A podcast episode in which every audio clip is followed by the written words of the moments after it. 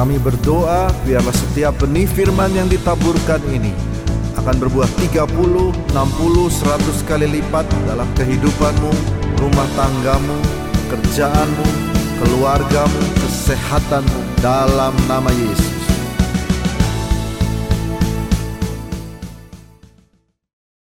Oke, em, selama dua bulan ini kita akan belajar tentang kebenaran firman Tuhan, tentang the blessing family.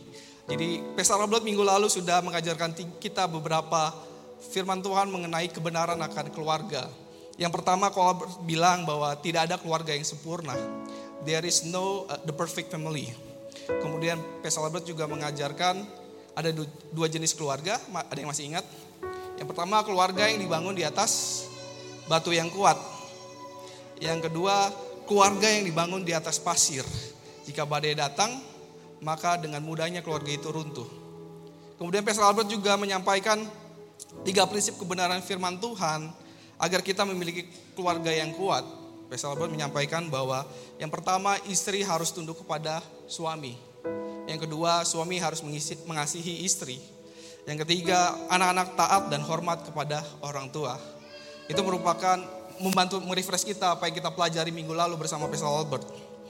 Dan pagi hari ini aku ingin sharing dan bagi yang suka judul khotbah, monggo di- dikeluarkan teman-teman yang suka mencatat khotbahnya. Judulnya adalah Papa, Mama, dan Anak. Kenapa gereja selama dua bulan ke depan akan memperlengkapi kita dengan tema tentang keluarga? Karena kita tahu harta yang paling berharga yang kita miliki di dunia ini bukan berbicara tentang harta yang berlimpah, bukan berbicara tentang rumah, mobil mewah, bukan berbicara tentang bisnis toko yang kita punya. Harta yang paling berharga juga bukan berbicara tentang karir yang kita punya. Tapi Tuhan bilang bahwa harta yang paling berharga nanti kita belajar adalah kita memiliki keluarga. Kenapa kita mesti tahu bahwa keluarga itu berharga? Karena kita mesti tahu dulu jika sesuatu itu berharga, maka kita akan perhatikan betul-betul, kita akan rawat betul-betul, kita akan jaga betul-betul kalau itu sesuatu yang berharga. Amin. Saya ingin saya ingin eh, sampaikan bahwa keluarga, boleh next slide. Keluarga menjadi tempat bagi Tuhan untuk mencurahkan berkat, pertolongan dan mukjizat untuk kehidupan kita. Ini boleh dicatat teman-teman, Bapak Ibu semua. Aku ulangin biasanya yang diulang itu biasanya yang sesuatu yang penting. Keluarga menjadi tempat bagi Tuhan untuk mencurahkan berkat dan pertolongan dan mukjizat untuk kehidupan kita. Seringkali Tuhan menggunakan keluarga untuk memberkati kita. Seringkali Tuhan menggunakan keluarga untuk menyatakan mukjizatnya. Masih ingat mukjizat pertama kali yang Tuhan Yesus lakukan? Ayo boleh boleh tebak apa yang pertama kali Tuhan Yesus lakukan di dunia ini? Mukjizat yang pertama? Ya, air menjadi anggur. Di mana? Di pernikahan Kana di Galilea. Di acara pernikahan membentuk keluarga yang baru. Pertanyaannya, kenapa Tuhan ingin menyatakan mukjizatnya di pernikahan yang baru membentuk keluarga gitu, merubah air menjadi anggur aja. Kenapa enggak mukjizat yang pertama yang dia lakukan adalah membangkitkan orang mati gitu, biar keren, langsung gue Yesus gitu ya, gue membangkitkan orang mati gitu, terus bisa mencilikan mata orang buta, menyembuhkan kaki yang lumpuh. Kenapa muji- mujizat pertamanya itu mesti di pernikahan di Kana, di keluarga yang baru dibentuk. Mari kita pelajari jawabannya ada di Yohanes 2 ayat 11. Kita baca sama-sama Yohanes 2 ayat yang 11, 3, 2, 1. Hal ini dibuat Yesus di Kana yang di Galilea sebagai yang pertama dari tanda-tandanya. Dengan itu ia telah menyatakan kemuliaannya dan murid-muridnya percaya kepadanya. Di sini kita bisa lihat bahwa keluarga itu berarti banget di mata Tuhan Yesus sehingga dia memilih momen pernikahan di Kana, pembentukan keluarga baru untuk menyatakan kemuliaannya. Jadi kemuliaan Tuhan itu turun bukan di sinagoge pertama kali. Kemuliaan Tuhan itu nggak turun waktu ada KKR di gereja, nggak hanya di gereja-gereja kemuliaan itu turun, tapi Alkitab mencatat bahwa kemuliaan Tuhan Yesus telah menyatakan kemuliaannya di pernikahan di Kana di Galilea baru pertama kalinya. Teman-teman, Bapak Ibu bisa lihat di sini bahwa begitu berartinya keluarga. Sehingga Tuhan Yesus saja kemuliaannya pertama kali dicurahkan di tengah-tengah keluarga. Keluarga menjadi tempat bagi Tuhan untuk mencurahkan berkat, pertolongan dan mukjizat Tuhan untuk kehidupan kita. Kita mungkin sering mendengar percakapan ini di antara kita kalau misalnya seandainya kita baru dapat rezeki nomplok gitu ya, tiba-tiba dapat uh, rezeki gitu, bonus. Terus sering kali kita bilang, oh, ini jangan-jangan rezeki anak nih, mungkin kalau dia baru lahiran atau rezeki kita ini baru nikah gitu atau ini rezeki orang tua bisa jalan-jalan ke Israel misalnya. Sering kali kita dengar percakapan itu ya, tiba-tiba dapat dapat berkat gitu. Dan itu biasanya merujuk ke keluarga. Saya ada sedikit kesaksian. Jadi aku tuh nikah tahun 2018. 2018 menikah, di bulan Mei dan bulan Oktober itu baru mendapatkan anak. Jadi istri saya di bulan Oktober diketahui sama dokter positif uh, dua bulan. Dan pada saat itu kondisinya adalah istri saya akan berhenti nikah. Eh berhenti nikah, berhenti bekerja. Berhenti, berhenti bekerja. Berhenti bekerja uh, karena kenapa? Karena uh, rumah saya di Cijantung dan kita tuh kerja di daerah Kuningan pada saat itu aku belum punya transportasi mobil, sehingga sangat berisiko sekali kalau misalnya hamil muda, kita naik motor, pergi kerja, pulang pergi takutnya keguguran gitu. Jadi kami memutuskan untuk e, berhenti istri untuk berhenti bekerja, saya aja yang bekerja, sehingga pendapatan menjadi menurun untuk keluarga dan setelah dihitung-hitung kita cukuplah kalau misalnya berhenti cukup untuk biaya persalinan pada saat itu. Cuman ya cukup aja gitu, nggak berlebih gitu. Cuman Tuhan ada rencana lain, seperti yang tadi aku bilang bahwa keluarga menjadi tempat bagi Tuhan untuk mencurahkan berkat, pertolongan dan mujizat Tuhan. Tahun 2018 itu waktu pas dapat angpau pernikahan, terus langsung aku depositoin. Depositoin di salah satu bank, aku bukan promosi banknya, aku depositoin itu sejumlah 20 juta.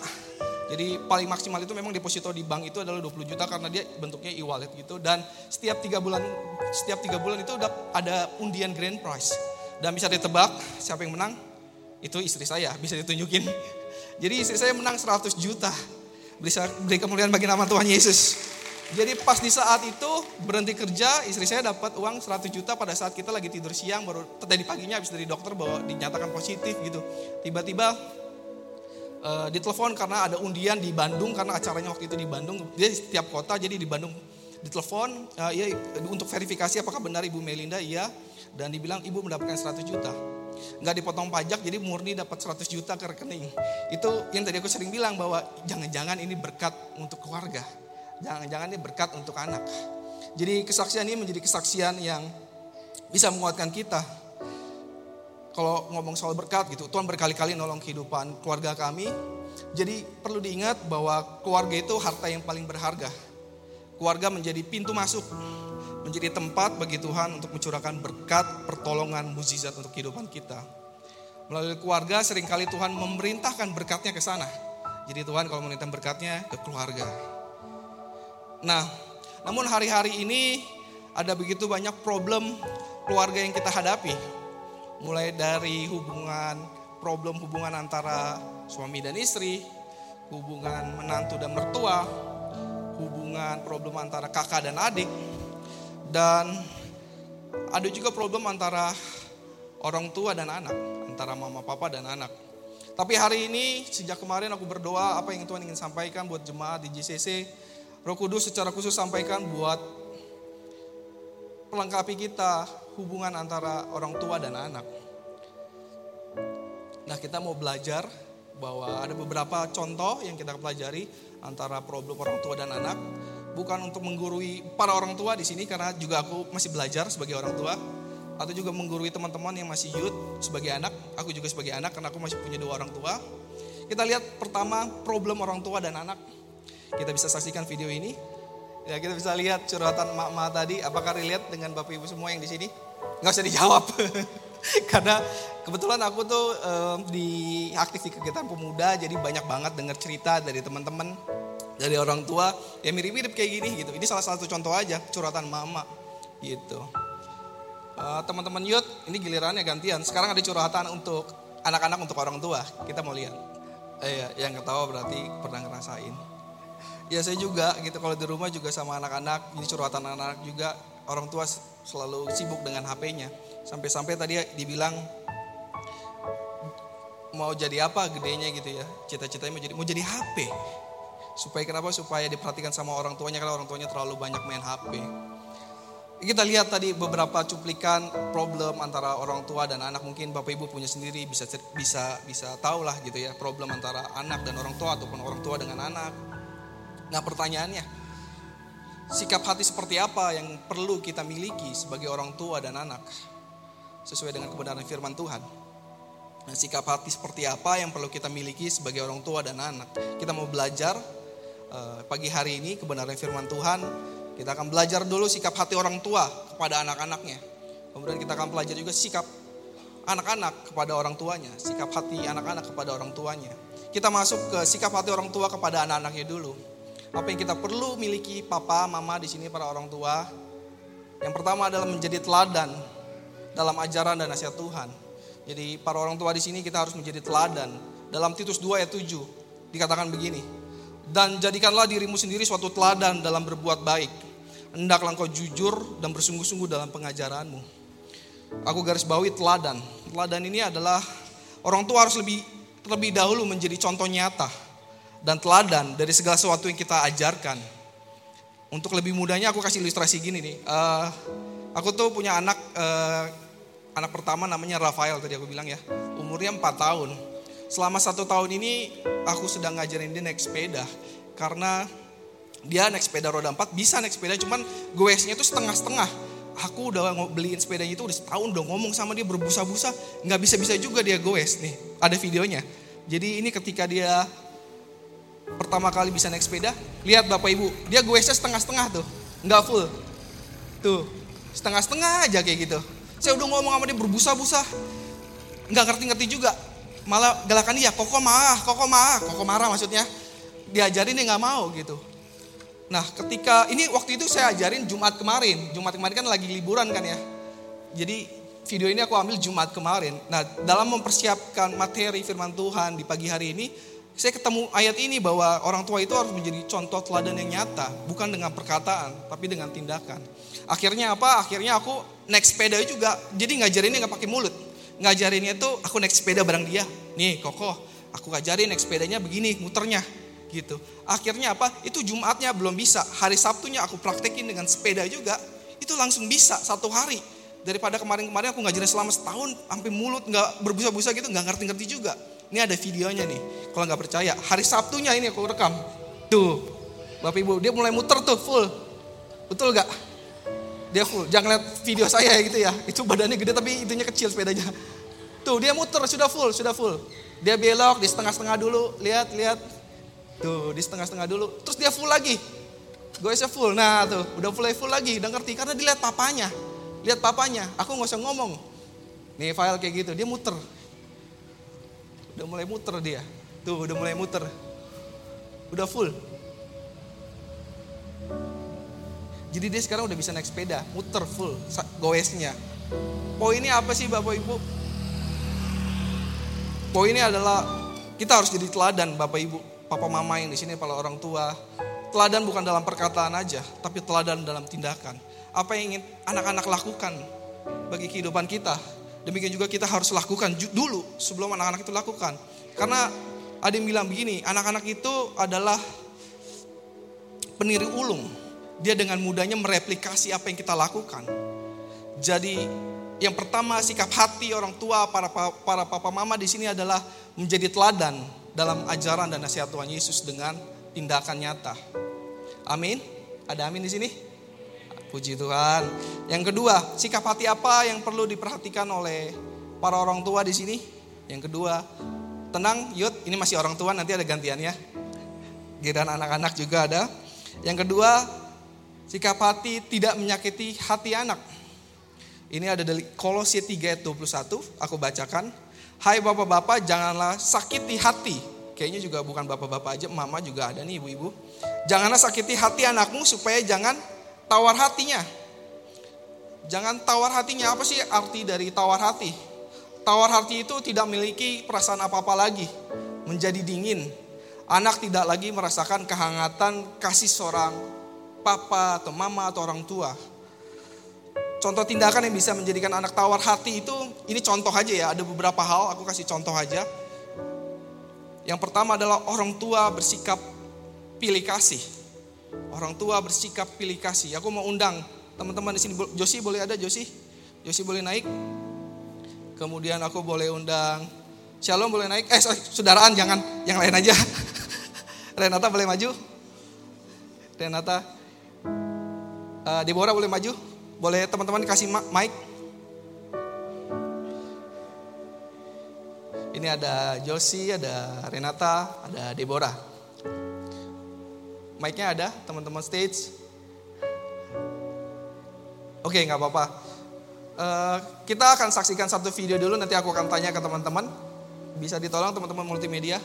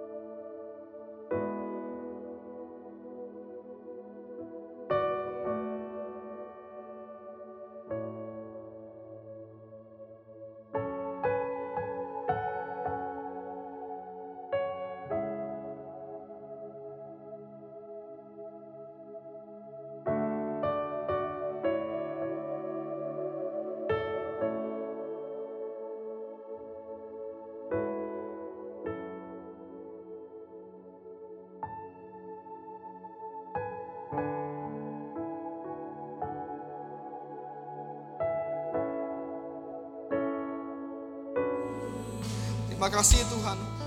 Hamba telah selesai menyampaikan firman-Mu di pagi hari ini. Biarlah firman-Mu mengingatkan kami kembali sebagai orang tua, sebagai anak di tempat ini. Kami tahu bahwa keluarga itu begitu berharga.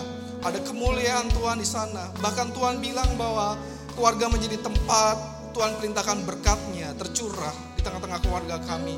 Kami mau bangun keluarga kami di dalam dasar batu yang kuat Tuhan. Dan hamba berdoa khusus juga bagi keluarga saat ini yang sedang persiapan anak-anaknya lulus dari SD ke SMP, dari SMP ke SMA, dari SMA ke kuliah Tuhan. Kami percaya Engkau mencukupkan semuanya dalam keuangan. Engkau berkati administrasi ke sekolahnya untuk lebih lancar Tuhan. Ada tuntunan Tuhan supaya generasi kami menjadi generasi yang lebih baik lagi Tuhan dan menentukan arah bangsa ini ke mana Tuhan. Tuhan Yesus terima kasih tutup bungkus setiap firman yang telah disampaikan. Ini nggak kembali sia-sia melainkan tertanam di tanah yang subur, bertumbuh, berbuah dan menghasilkan buah dan menjadi berkat bagi lingkungan kami Tuhan. Dan Bapak Ibu kita akan terima berkat daripada Tuhan. Kita angkat kedua tangan kita. Tuhan memberkati engkau dan melindungi engkau. Tuhan menyinari engkau dengan wajahnya dan memberi engkau kasih karunia. Tuhan menghadapkan wajahnya kepadamu dan memberi engkau damai sejahtera. Pulanglah membawa sukacita daripada Roh Kudus dan menjadi berkat bagi keluargamu. Di dalam nama Tuhan Yesus sama-sama katakan amin.